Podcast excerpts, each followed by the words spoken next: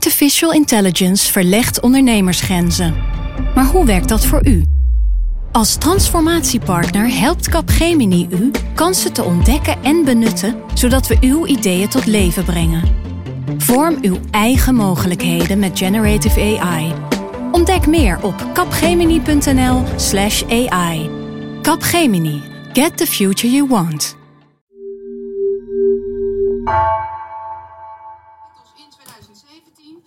Jemig. Zo. Jeetje. 27 voor eh, D66. En dan met een marge van 2. 27. Ongelooflijk. Dat is echt ongelooflijk. Oeh. Acht. Auw. Ze is heel erg. Oh.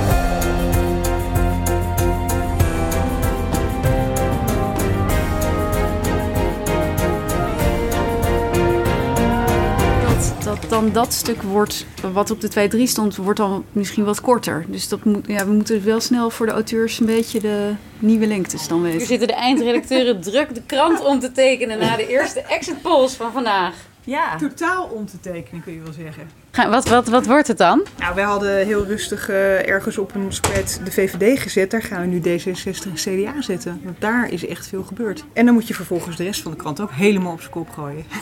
En dat om half tien s'avonds. Heerlijk. Ja, ontzettend leuk. Dit zijn wel altijd de, de, de snoepjes als eindredacteur, dit soort avonden. Ik ga jullie met rust laten. Ga lekker tekenen. En omtekenen met name. Dit is Haagse Zaken van NRC. Mijn naam is Lemia Harouai. En mijn naam is Floor Boon. En dit is de verkiezingsnacht-editie. Het zit erop. Het is eh, even over half één s'nachts. En eh, de Tweede Kamerverkiezingen van 2021 zijn voorbij. En in deze aflevering van Haagse Zaken telt af hoor je hoe de verkiezingsnacht verliep hier op de Haagse redactie en op locaties waar onze redactie wel kon zijn. We nemen je mee vanaf eh, de eerste exit polls totdat de deur van de redactie dichtslaat. Nou, ik denk dat dat nog wel eventjes duurt, maar in ieder geval, dit is de overbruggingsperiode. Hoe hier gereageerd werd op de exit polls toen ze binnenkwamen, dat hoorde je net al. Eh, hier aan tafel Guus Valk en Mark Lievese Adriaanse. Jongens, hoe gaat het? Ja, ik, eh, ik leef nog, geloof ik. Ja. Fired up and ready to go. Ja, en jullie zien er ook nog best wakker uit, moet ik zeggen. Ja, de krant is nog niet zo heel lang klaar. En eh, dan zit je nog een beetje zo in de adrenaline van, eh, van het moment, denk ik. Ja, want jij moest in no time eh, eigenlijk alles analyseren wat er gebeurde en dat in hoeveel woorden samenvatten? 700 of zo. Ja, Inderdaad, dat is gelukt. Daar gaan we het straks Ja. even over hebben. Eh, Mark, jij was bij D66. Ja, jij appte me eigenlijk om eh, kwart over negen zo'n beetje van... eh, er wordt heel hard gejuicht bij de D66-fractie, kom hierheen. Toen ben ik als een gek naar de Tweede Kamer gerend. Eh, werkgeversverklaring ook vergeten. Ehm, en toen naar het partijbureau gegaan samen met eh, fotograaf David van Dam... waar we ons, nou, waar, we eerst niet binnenkwamen, toen gewoon aangebeld hebben... en toen naar binnen gesneakt zijn. Waar ook nog Laurens-Jan Brinkhorst overigens naar binnen wilde... en die werd niet herkend door de, de, de, een van de medewerkers. Dus die dacht, wie is deze oude man? Die hoort hier helemaal niet en we laten niemand binnen. Toen kwam iemand erachter dat het Laurens-Jan Brinkhorst was. En toen kwam hij mopperend dat hij het alleroudste lid was. Toch nog naar binnen. Heeft Zo- David ook die foto gemaakt dat je Sigrid Kaag zo op tafel ziet Nee, springen? nee, en... nee, nee. David eh, is tegelijkertijd met mij naar binnen gegaan. Dus rond half tien, denk ik. En toen was het wachten op Kaag. Ja, want Kaag zat eh, tijdens die foto eh, binnen, achter gesloten deuren, met fotograaf Martijn Beekman, Ja. die we wel eens hebben gesproken in uh, Haagzaak. Hij is de huisfotograaf, tussen aanhalingstekens, van, eh, van D66 eh, in deze campagne. Hm. Hoe was de sfeer daar verder? Ja, gek. Omdat, kijk, ik ben bij verkiezingsavonden geweest waar partijen heel erg wonnen. En dan heerst er zo'n, nou, wat we ook vanmiddag bespraken bij de studenticoze feeststemming. Dus mensen drinken bier, mensen joelen. Dus op zo'n avond zijn vooral jongeren. Die hebben het allemaal heel gezellig. En dan komt de partijleider en dan wordt er heel hard gejoeld. En dat, dat is een soort collectieve euforie. Dat was hier niet. Ehm, het was eigenlijk op de begaande grond waar wij journalisten dan mogen komen. Eh, nou, daar liepen wat partijmedewerkers en het was de hele tijd wachten totdat Kaag zou komen. Ehm, en toen kwam Kaag en die hield een eh, praatje van een minuut of vijf. En dan hoorde je van boven eh, de eerste verdieping of zo hoorde je wel wat applaus. Daar zaten wat partijmedewerkers en dat was het. Dat is toch wel gek, want ik bedoel, 27 zetels, we zaten naar te kijken. Het, het zijn natuurlijk exit polls, we weten het nog niet. Maar het is zo'n verrassende en zo'n hoge uitslag. Dit had echt niemand zien aankomen. Nee, zeker niet. En ik denk dat die euforie vooral, uh, nou, dat hebben we gezien, hè, de, de, foto van Kaag. In die ruimte was de vreugde. Maar de vreugde, die, en je hebt altijd dit soort ruimtes, hè, waar de partijleider zit met wat adviseurs. Maar wat iedereen ziet is het paard van Troje met, met 200 partijleden of uh, een andere club. En dat was er niet. Dus het was uh, het persmomentje van Kaag. En daar moest het mee doen. Jij was daar, de rest van de redactie uh, was op andere plekken en ze lieten ons af en toe weten waar ze waren en wat ze zagen. Hoi, Mark hier, Mark Lies Adriaanse. Ik was vanavond bij D66. En loop nu door de Tweede Kamer, kom net van, de, van GroenLinks af. Ja, Marieke Stellinga, ik volg de ChristenUnie vanuit huis op afstand. Kees Rottinghuistuin uh, Schiphol-Oost bij uh, ja 21. Enzo van Steenbergen. En ik volg vanavond de PVV vanuit mijn eigen woonkamer. Steven Dierks.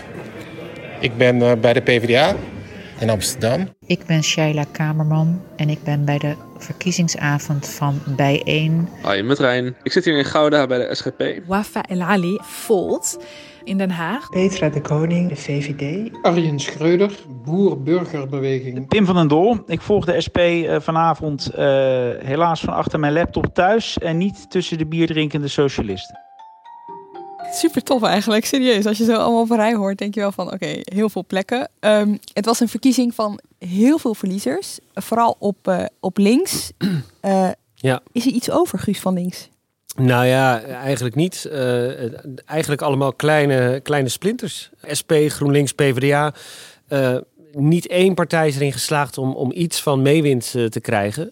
ik denk dat in de laatste dagen toch nog ook wel heel veel linkse kiezers naar Sigrid Kaag zijn overgestapt. Uh, dat er toch iets van een, uh, ja, het, is een, het woord mag ik bijna niet gebruiken, maar toch een soort van tweestrijd is ontstaan. En dat linkse kiezers toch een aantrekkelijker verhaal vonden, wat uh, Sigrid Kaag vertelde. Het laatste debat met Geert Wilders heeft denk ik ook wel wat linkse kiezers toch richting haar geduwd. Het slotdebat. Het slotdebat waarin ze fel in debat ging met Wilders. En hij haar aanviel op de hoofddoek die ze droeg in Iran. En, en zij, dat, ja, zij daar echt woedend op reageerde, echt persoonlijk aangevallen. Eigenlijk op een andere manier met Wilders debatteren dan heel veel andere politieke leiders. Viel mee op, omdat het toch vrij mechanisch is geworden op een of andere manier. Maar zij leek echt zo persoonlijk geraakt te worden door, uh, door Wilders. Maar je hebt gelijk, van, van links is eigenlijk heel weinig meer over. En dat roept meteen de vraag op van, ja, hoe nu verder? Want ja, in de campagne is het wel gegaan tussen, uh, over fusies misschien. Hè? Moeten GroenLinks en uh, PvdA's niet samen?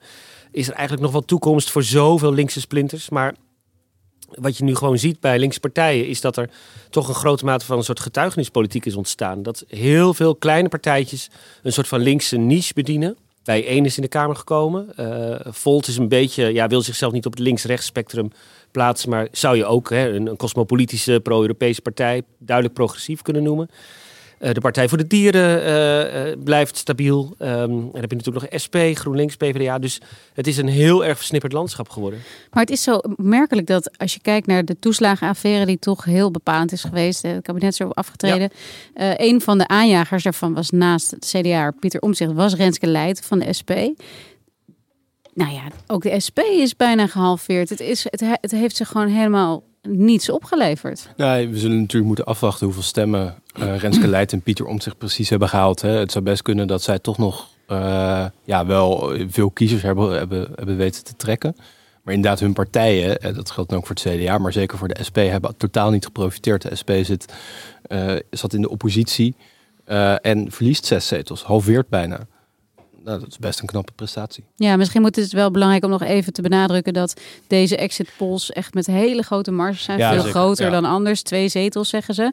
We, we, weten het gewoon nog niet. De briefstemmen zitten er ook nog niet bij, want die exit polls zijn een soort schaduwstemming. Ja. Weet je, dus wij eigenlijk in de loop van de Hmm. dag, morgen zullen we het pas weten. Het kan echt nog wel verschuiven, maar het ziet er toch wel. Uh... De trend is duidelijk natuurlijk. Ja, ja zeker. En, en, je ziet dus. Um, bepaalde kritieken hè, die er waren. Een linkse partij die zouden of identitair zijn of niet, niet links-identitair genoeg.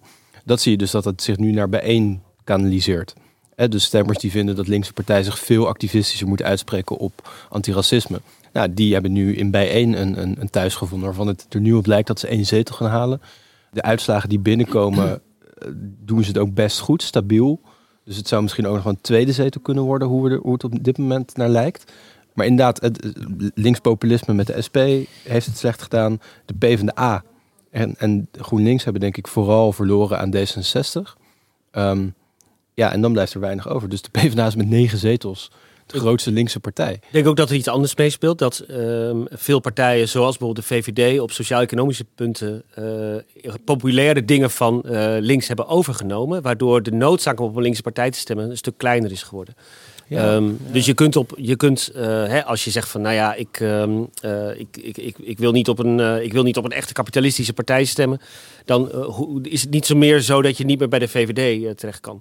Ehm, ik denk dat in ieder geval in de beeldvorming dat wel, dat wel een duidelijke rol heeft gespeeld. En ja, voor de rest, linkse partijen zijn soms cultureel links, soms zijn sociaal-economisch links. Eh, eh, het- is toch moeilijk gebleken om die twee verschillende werelden eh, onder één noemer te scharen. En om ze zich heel duidelijk te profileren, hè? als Ja. we kijken naar de afgelopen maanden. Maar we zien nu op tv dat eh Malou Petter van de NOS eh, uitlegt waar de VVD-stemmers vandaan komen.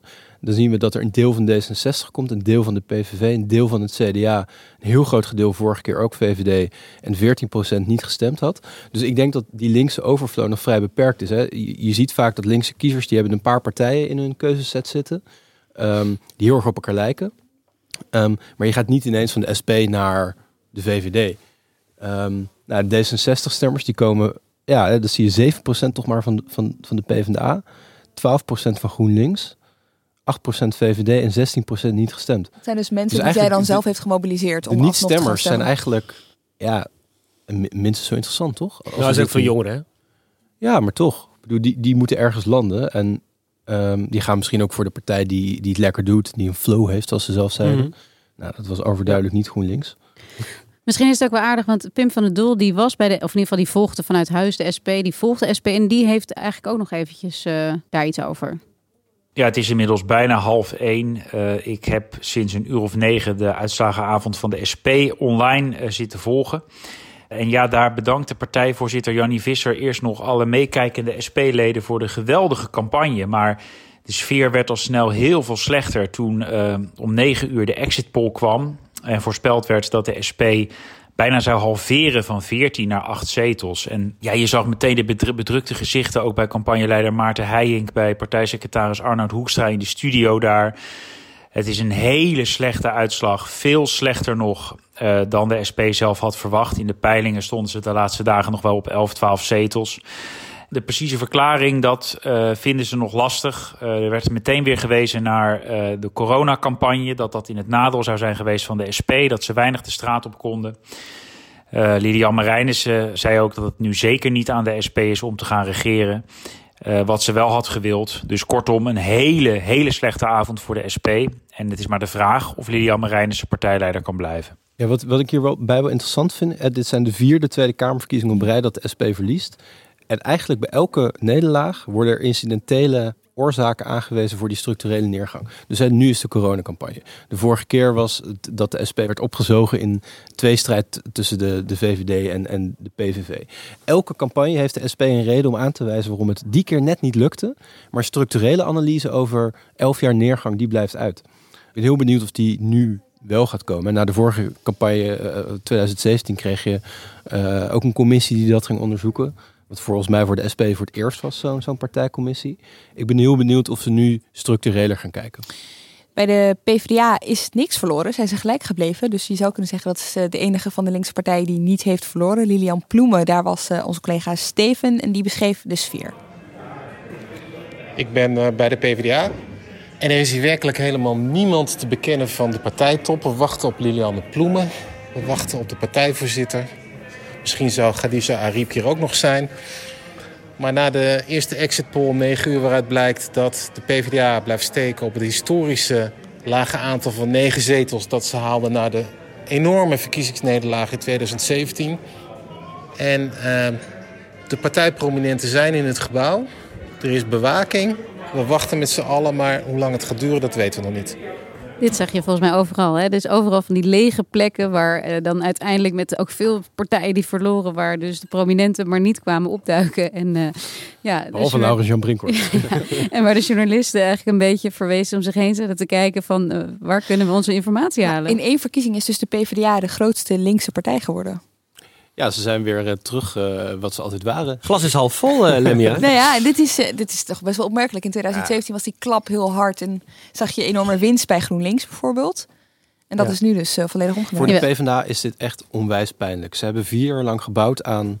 eh, en zij zagen die negen zetels als, altijd als een incident. En ze accepteerden echt wel dat ze niet weer 1, 2, 3 met 40 zetels of zo de grootste zouden worden. Maar zij dachten, eh, die negen zetels, dat was een eenmalige afstraffing. Daar komen we wel weer over, overheen. We gaan een nieuw verhaal bouwen onder Asscher, die, die een jaar geleden de progressieve uitdager van Rutte leek te worden. En ze wonnen ook. Hè? Ik bedoel, Ze bij, de, bij de wonnen. provinciale statenverkiezingen waren Steeds ze de ging het een stapje beter. En dat is nu allemaal weer Europese weggevraagd. verkiezingen. Eh, Ja, maar, ook, maar ook gemeenteraadsverkiezingen 2018, provinciaal 2019, eh Europees 2019. El- Al die verkiezingen ging het net weer wat beter. Ehm, wat ze dan zelf uitlegt als herstel. En zie je wel, mensen durven weer PvdA te stemmen.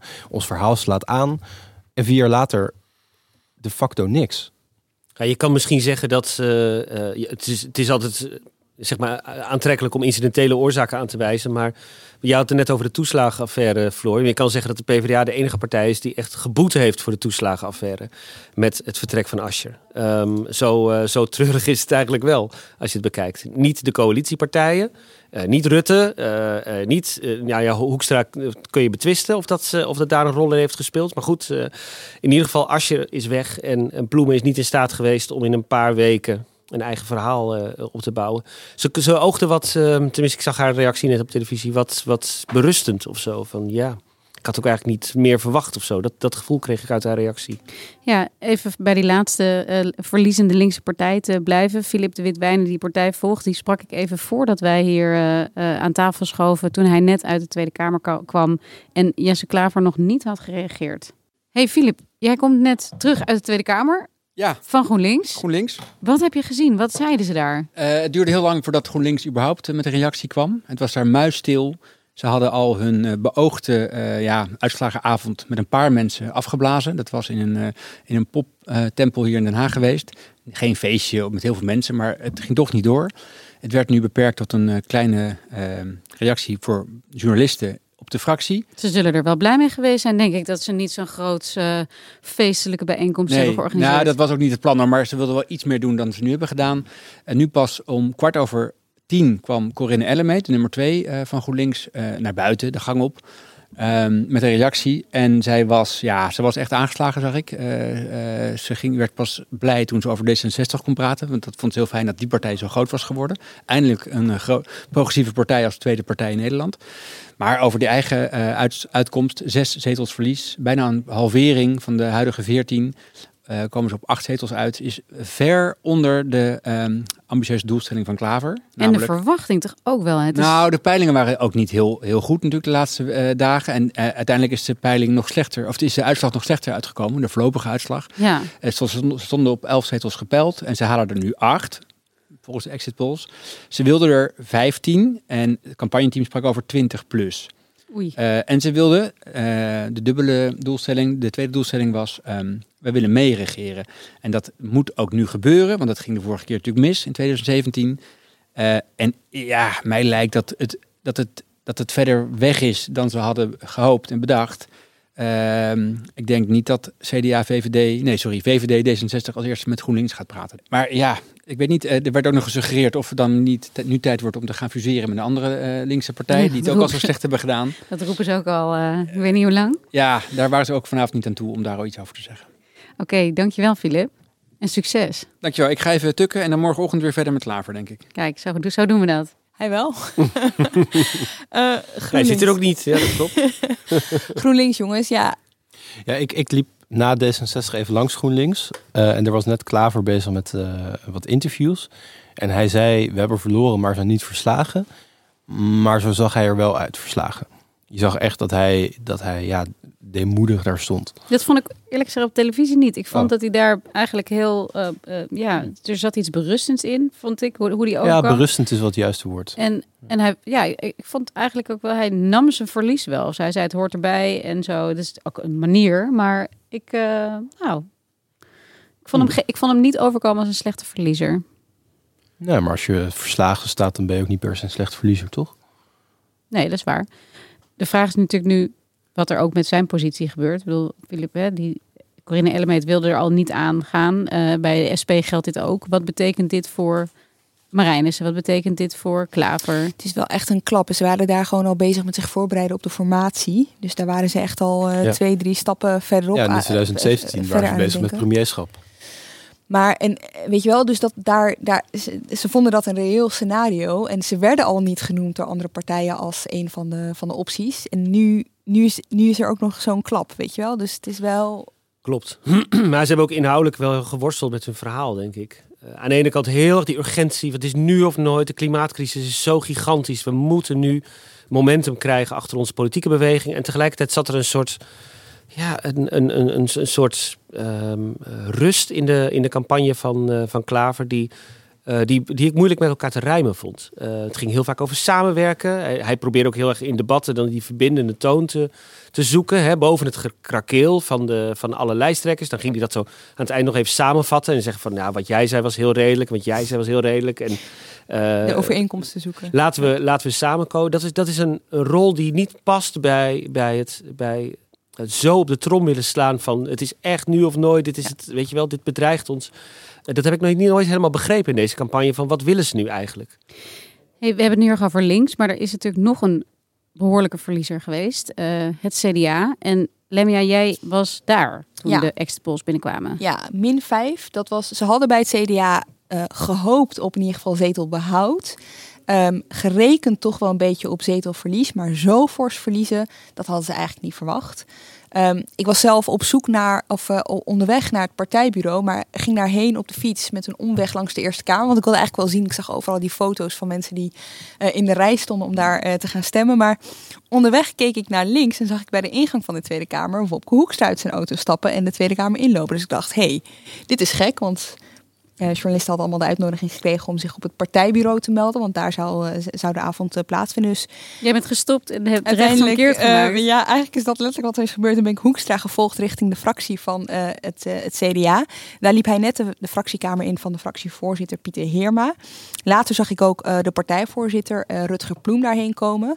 Ja, en daar was dat contrast, vandaar dat ik Mark even appte, zo groot. Want je moet je voorstellen, je hoort dus die polls allemaal binnenkomen. Eerst de VVD, dan komt de PVV, dan komt het CDA. Groot verlies. En dan komt D66, grote winst. En die oude plafonds zijn natuurlijk heel oud. En D66 zit letterlijk boven eh, het CDA. Dus in de fractiekamer van het CDA was het dan wel stil. Maar daarboven hoorde je echt gejoel en eh, geklap. En eh nou, dat vond ik toch wel een, eh, een echt... Het was echt een, contrast. Was Ja. het. En Maar je was de daar enige dus journalist daar ook. ja, in mijn uppie. Dus ik kon ook niet even met iemand... ik kon het met niemand delen. Dus ik deel het maar even met jullie hier nu. Ehm, en eh, goed, eh, ik kon dus daar geen reactie krijgen. Hoekstra liep op een gegeven moment eh, eerst liep, tussen de eerste en de tweede poll door partijvoorzitter Rutger Ploem daar al naar buiten. Dus die is eerder weggegaan. En die Al wilde ook niks zeggen. bellend. Die wilde inderdaad niks zeggen. Die was aan het bellen. En later ging Hoekstra daar weg. En die ja, eh, wilde eigenlijk gewoon helemaal niks zeggen. Hey, joh, ik, ga in, ik ga in één keer reageren op partijbureau. Ben je van harte welkom. Eh, maar ik ga daar reageren. Blijf je aan. Goed, later reageerde hij natuurlijk wel, want ik stapte in een taxi heel snel om naar het partijbureau toe te gaan. En daar reageerde hij wel. En dit resultaat is natuurlijk eh, zeer teleurstellend. Dus ik had het graag anders gezien. Eh, maar in dit land is de kiezer de baas en de kiezer heeft gesproken. Ja, dat is duidelijk. Maar wat is er misgegaan met de campagne van het CDA? Ja, dat kan ik niet nu vanavond even evalueren. Dat zullen we later moeten bekijken. Ja, dit is Hoekstra in gesprek met Nienke de Zoete van Nieuwsuur. Er komt dus een evaluatie. Maar eh Remo Knops heeft wel een soort evaluatie gedaan, toch, bij de NOS? Hij zei het van ja, twaalf weken was ook wel heel weinig voor een nieuwe lijsttrekker. En Ja. het was nou helemaal geen goede campagne. Ja, dat heeft Hoekstra overigens zelf ook gezegd. Maar ja, daartegenover kun je natuurlijk stellen dat Ploemen er korter zat. En uiteindelijk wel het aantal zetels heeft weten te behouden. Dus ik weet niet of je dat eh, per se als argument... Ja, maar nu, ver- ja, oké, maar nu vergelijk je wel het CDA met een met natuurlijk een gedecimeerde partij in 2017. Ja, het CDA had natuurlijk op veel meer natuurlijk gehoopt. Ja. Hoewel ik wel de indruk had de laatste tijd dat ze er niet meer echt op rekenen. Ja, maar het gaat wel om zetelbehoud of verlies. En, en de periode die je hebt als nieuwe lijsttrekker om, Ja. Om, om jezelf te bewijzen. Ja, maar aan de andere kant bij Ploemen was het verlies natuurlijk in 2017 zo gigantisch bij de PvdA dat, dat, dat een, zeg maar een zetelbehoud eigenlijk ook als een, een mokerslag moet aanvoelen. Dus in die zin weet ik niet of dat helemaal vergelijkbaar is. Maar het is wel waar dat bij het CDA ehm, ja, die, die, die, die wilden toch op zijn minst behouden wat ze hebben. Ja. En, en dat dat niet gelukt is, eh, ondanks dat ze met Hoekstra, die toch, waar ze intern heel veel van verwachten, eh, is natuurlijk wel echt, eh, echt wel heel lastig te verwerken. Ja, maar de afgelopen, we, we hebben het hier eens in, in deze dagelijkse Haagse zaken ook wel ongeveer elke keer, elke keer dag benoemd hoe niet lekker Hoekstra in die campagne zat. Het werd ook, dat werd natuurlijk ook een soort zich vanzelf versterkend effect. Zeg maar. Net als het Kaag-effect had je het omgekeerde Hoekstra-effect. Het, het zal ook niet helemaal als een verrassing zijn gekomen, kan ik me zo voorstellen. Nee, eh, dat ze zouden verliezen niet. Maar zo fors, dat is zeker wel als een verrassing gekomen. En dus gaan ze nu evalueren. Je hebt het, eh, Hoekstra hoorde je het vanavond erg vaak zeggen. Kijken wat er mis is gegaan de afgelopen weken... en hoe dat dan de volgende keer anders zou kunnen. En ze laten nu voorlopig, zei Hoekstra ook, het initiatief even bij VVD D66 als het over de formatie gaat. Ja, maar we weten dat VVD, hè, als Rutte werd gevraagd de afgelopen weken naar met welke partijen hij samen wilde werken, dan wilde hij eigenlijk geen enkele partij bij naam noemen, behalve het CDA. Want, zei hij dan altijd, daar hebben we altijd zo fijn mee samengewerkt. Dat doen we nu nog een keer. Zou, zou, het CDA, zou het voor het CDA verstandig zijn om nu de oppositie in te gaan? De vergelijking wordt soms gemaakt tussen Hoekstra 2021 en Rutte 2006. Na regeren eh, een moeilijke periode, nieuwe lijsttrekker, intern gedoe. Maar toch even aanblijven in, met het idee over vier jaar vertrekt Balkenende. In dit geval over vier jaar vertrekt Hoekstra, eh, eh, Rutte. Zou dat nu ook op kunnen gaan voor, voor Hoekstra? Met dat ze de oppositie ingaan met het idee, nou, dan worden wij het oppositiealternatief op Rutte. De mensen die ik de afgelopen tijd heb gesproken zien dat absoluut niet zitten. Waarom niet? Al helemaal niet omdat ze Wopke Hoekstra niet in de Kamer zien Hij zelf ook niet, toch? Nou ja, eh, hij zegt, dat zei hij vanavond ook wel weer, dat hij eh, vaak genoeg heeft gezegd dat hij prima fractievoorzitter wil worden in, de, in een oppositierol. Maar achter de schermen klinkt dat hij daar helemaal geen zin in heeft. En dat het voor het CDA ook gewoon niet goed zou zijn, toch een bestuurderspartij, horen aan die formatietafel te zitten. En daar wordt het nu gewoon vechten om de juiste post voor Hoekstra. Want financiën als derde partij, die kans is wel erg klein. Eigenlijk gewoon ja, niet bestaand. Dus wordt het zoeken naar welke post dan wel. Hey, we hebben het nu ook over de verliezers. Er zijn ook winnaars. D66 hebben we al even genoemd. Een andere winnaar is toch Forum voor Democratie. En wie hier net de redactie kwam oplopen is Rick Rutte. Die, ja, er was niet echt iets. Maar ik ga hem toch heel even vragen of hij eh, er iets over wil zeggen. Rick? Waar? Waar wil je me? Je mag even op mijn plek zitten, want anders dan eh, is deze tafel niet meer corona-proof. Goedenavond. Hey, Goedenacht. Waar was jij? Ik was in Amsterdam. Ik kom hier net terug. Ik kwam nog eh, een D66-Kamerlid tegen, Joost Sneller. Het is heel vreemd, want je verwacht natuurlijk dat er een soort groot feest normaal zou zijn. En iedereen jubelend in een strandtent of zo. Maar ja, die, eh, die ging naar huis en eh, ze waren klaar. Ze hadden enorm gewonnen en nu gingen ze gewoon naar huis toe. En verder Hoe groot was de glimlach op zijn gezicht? Nou, het was, een, het was een vriendelijk knikje. Het blijft een D66er die heel, heel rustig en bedaard tevreden was met de uitslag. Maar jij was bij FVD. Ik deed mijn best om bij FVD te zijn, maar Ja. dat was moeilijk. Ik was in Amsterdam de hele dag. Eh, Daar eindigde de vrijheidskaravaan, waar we het de afgelopen weken wel eens over gehad hebben. Dus de, de grote optocht langs van, van, van stad naar stad om het, eh, het anti-lockdown verhaal te vertellen. Die eindigde vandaag in Amsterdam. Vanavond zelfs nog. Dus ik was daarbij. En daarna gingen alle luiken dicht. En sindsdien hebben we, nou, we leven nu om vijf over één, eh, niets meer gehoord. Geen overwinningsspeech. FVD stond in de tweede exit poll op acht zetels. Geen verhalen over fraude. Geen niks. Geen Waarom? tweet. Waarom geen niet? speech. Waarom geen niet? filmpje. Omdat zij twee verhalen te vertellen hebben. Zij zijn aan de ene kant naar acht zetels gegaan. Dat is verviervoudiging, als de exit poll uitkomt, van vier jaar geleden. Dat is een positief verhaal. Maar de afgelopen dagen, eh, als ik langs ging, als ik keek naar wat er verteld werd op die, eh, op die caravaan, op die tour, dan was het steeds ook een verhaal over fraude. Er gaat gefraudeerd worden met de poststemmen, er gaat gefraudeerd worden met de uitslag. We kunnen er niet bij. Wie weet wat er gebeurt bij de telling, et cetera, et cetera. En hoorde je dan ook, we gaan wel twintig zetels halen. Misschien worden we wel de grootste. En als we niet de grootste worden, puntje, puntje, puntje, puntje. Dus het is een heel raar verhaal. Eh, ik moest zelf denken aan de verkiezing van Trump een paar maanden terug, waarbij je eigenlijk voor twee keuzes stond. Of je zou, als je Trump was, verliezen en dan was het allemaal rigged en dan was het allemaal onrechtvaardig en dan was er gefraudeerd. Of je zou winnen en dan was het allemaal prima en dan had je geheel terecht gewonnen. Het rare van Forum is dat zij een dubbel verhaal hebben. Ze hebben en het ge- gehad over fraude en ze zijn niet de grootste geworden. Maar ondertussen hebben ze wel een resultaat neergezet dat eh, eigenlijk, nou ja, ze zijn een, een middelgrote partij geworden in dit nieuwe landschap. Even groot als GroenLinks, even groot als de SP. Hey, maar Rick, we hebben, we hebben Baudet de afgelopen week het hele Trumpistische playbook uitzien spelen als het gaat om het creëren van een schijn van, van verkiezingsfraude en complottheorieën. Ehm, moeten we nu nog iets verwachten van hem? Of zo, een soort gekke actie? Of ja, gaat, op, op welke manier verwacht jij dat hij nu een beetje à la Trump toch de, de aandacht weer... Hoe- Nou ja, dit, waar kijken we inderdaad, naar? Het is overduidelijk hebben we het echt tot aan plannen voor een, eh, een, een missie naar de maan. Hebben we op alle manieren gezien dat, dat Trump door Baudet werd geïmiteerd. Oerbos. Het is dat, ja, hi- hier houden de parallellen eh, op. Want voor Trump was er nog een duidelijk pad op dat moment. Die kon eh, de overwinning aanvechten in de hoop nog de grootste te worden. Maar het is duidelijk dat Baudet niet de grootste kan worden. Wat hij wel kan doen, is voor de achterban die hij heeft, de legitimiteit van deze verkiezingen betwisten.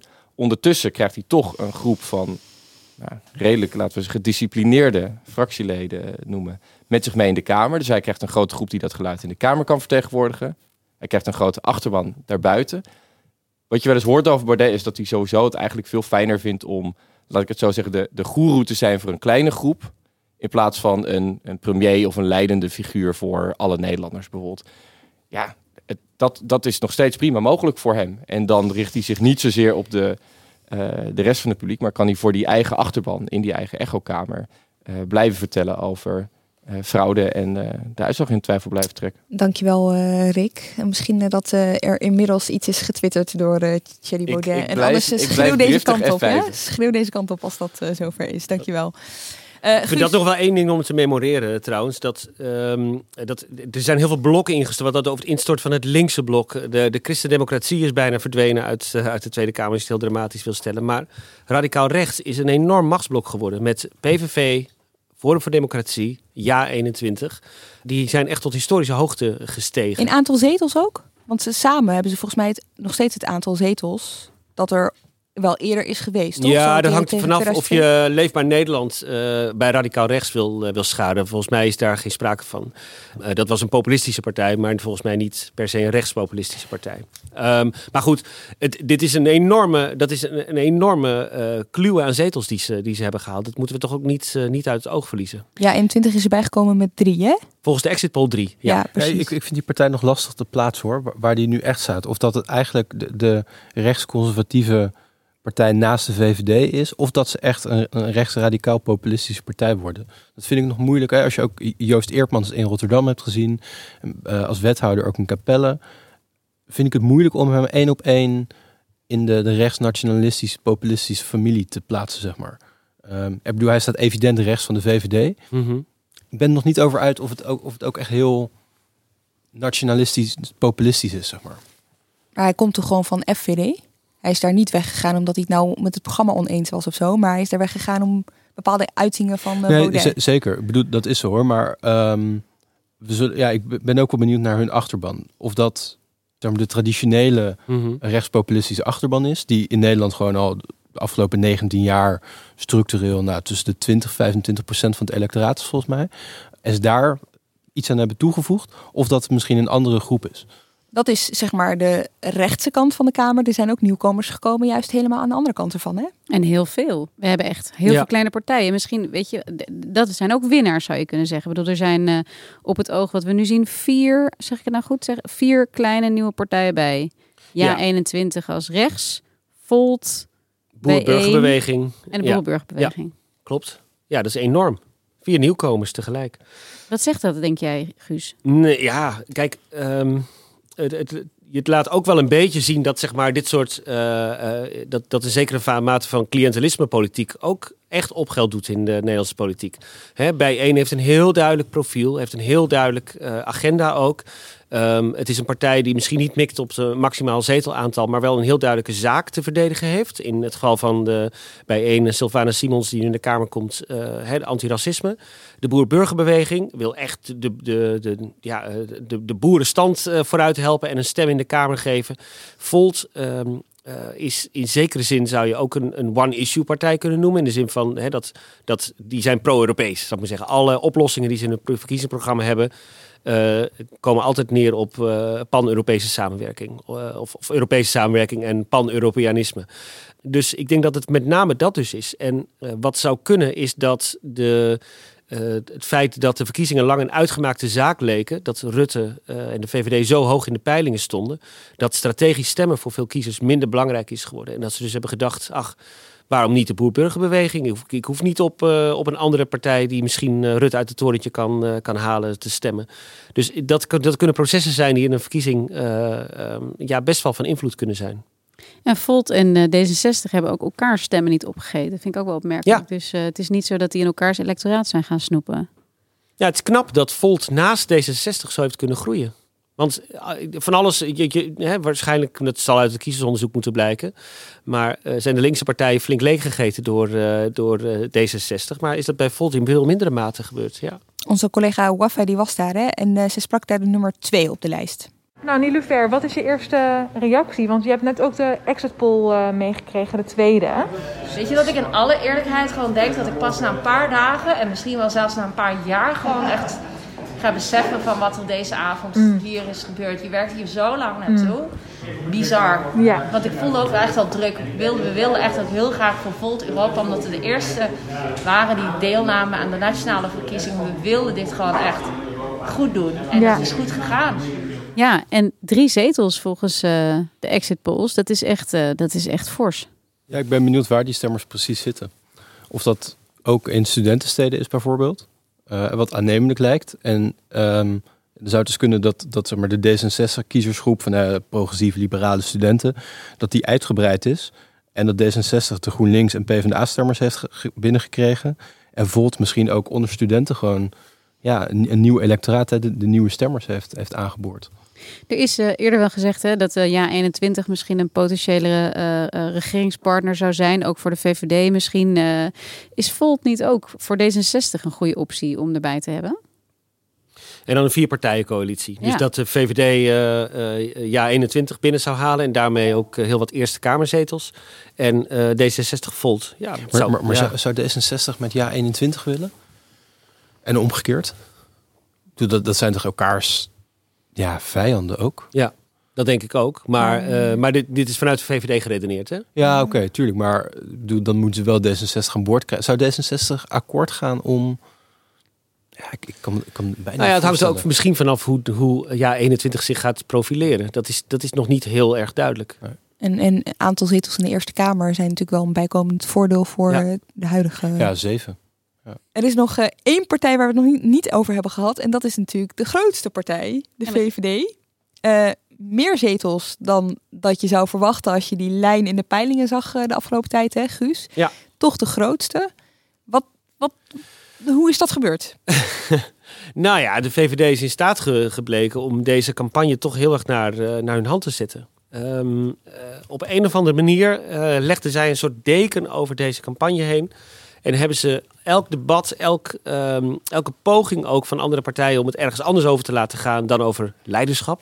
In een crisistijd, moeilijke tijd, waar we doorheen moeten met z'n allen. eh, om het over eh, iets anders te laten gaan. Het ging alleen maar over Mark Rutte en over Mark Rutte's leiderschap. Ehm, en dat is een de slimme formule gebleken, want Mark Rutte is al leider sinds 2010. Ehm, dus je hoeft niet te bewijzen dat Mark Rutte leider kan zijn, want dat, dat is hij notabene al. De- en dat, dat heeft denk ik goed uitgepakt. Ehm, Kaag heeft als enige eh, dat, dat, dat spel een beetje mee kunnen spelen, denk ik, met haar nieuw leiderschap eh, op het eind. Maar ik denk dat dat voor veel andere partijen, we noemden net de toeslagenaffaire al, eh, heel- het is heel moeilijk gebleken om over andere onderwerpen te gaan praten dan over leiderschap. Ik denk dat er voor de VVD twee verhalen te vertellen zijn. Er is het verhaal, als je kijkt naar een jaar geleden, anderhalf jaar geleden, toen stond de VVD rond de 20 zetels in de peilingen. Ehm, ze hebben evident een coronabonus eh, en een premiersbonus binnen, binnengehaald. Tegelijkertijd is het ook niet de ja, landslide waar een paar maanden geleden vanuit gegaan werd. Hè, toen de VVD ruim boven de 40 zetels peilde. En dat heel erg, ja, toen het idee was, nou misschien gaan ze wel boven de 50 komen. Dat is het ook niet geworden. Ehm, de uitslagen die nu binnenkomen van de eerste gemeente, valt mij op dat de VVD redelijk stabiel is. Heel nipt wint. Of zelfs een klein beetje verliest. Sommige gemeenten 2% eraf. Dus ik ben heel benieuwd. Ah, we zien nu trouwens ook eh, een nieuwe exit poll binnenkomen. De VVD op 35, D66 naar 26. De PVV 18. Nou, op links verandert er niks. Voor het CDA Ehm, verandert ook niks. Even kijken, FVD, of daar iets veranderd is, denk ik wel. Nou, die blijven op 8. Volt naar 3, enzovoort, enzovoort. Ehm, dus ik denk, de VVD heeft, eh, heeft gewonnen. Evident. Ja, 21 gaat naar 4 hier. Kijk aan. Maar het is ook niet de, ehm, enorme overwinning geweest, volgens mij, waar, waar Rutte twee maanden geleden op stond. En ik ben heel benieuwd als wij morgenochtend wakker worden, of het dan nog steeds 35 is, of dat er misschien zelfs wel iets afgegaan is nog. En dan vind ik het ook moeilijk om te zeggen. Of dan ben, dan, ja, dan ben ik heel benieuwd welk, wat het verhaal gaat worden over de VVD. Dan is het geen eclatante waardering geworden van kiezers voor de VVD. Tegelijkertijd, als je het vergelijkt met anderhalf jaar geleden, veel beter. Gelukkig hebben we morgen de laatste Hagenzaak stelt af. En kunnen we dit allemaal nog bespreken. Want we hebben ook de PVV nog helemaal niet uh, uh, genoeg, uh, überhaupt eigenlijk misschien helemaal niet genoemd. Daar gaan we het morgen allemaal verder over hebben. Um, ik denk dat, dat wij het hier gaan afronden. Zeker. Dank jullie wel. Guus Valk, Mark Liefse Adriaanse en Floor Boon. En dit was de verkiezingsnacht vanaf de redactie. Vanavond zijn we dus nog één keer bij je voor de allerlaatste Haagse Zaken telt af. En zaterdag natuurlijk weer, zoals je gewend bent, een uitgebreide, uitgebreide moet ik zeggen, vertrouwde Haagse Zaken. Bedankt voor het luisteren, ook naar alle andere afleveringen van deze serie. Dank ook aan de productie, Iris Verhulstonk en Henk Krijgerok van de Werven en de techniek. Tot bij de volgende Haagse Zaken.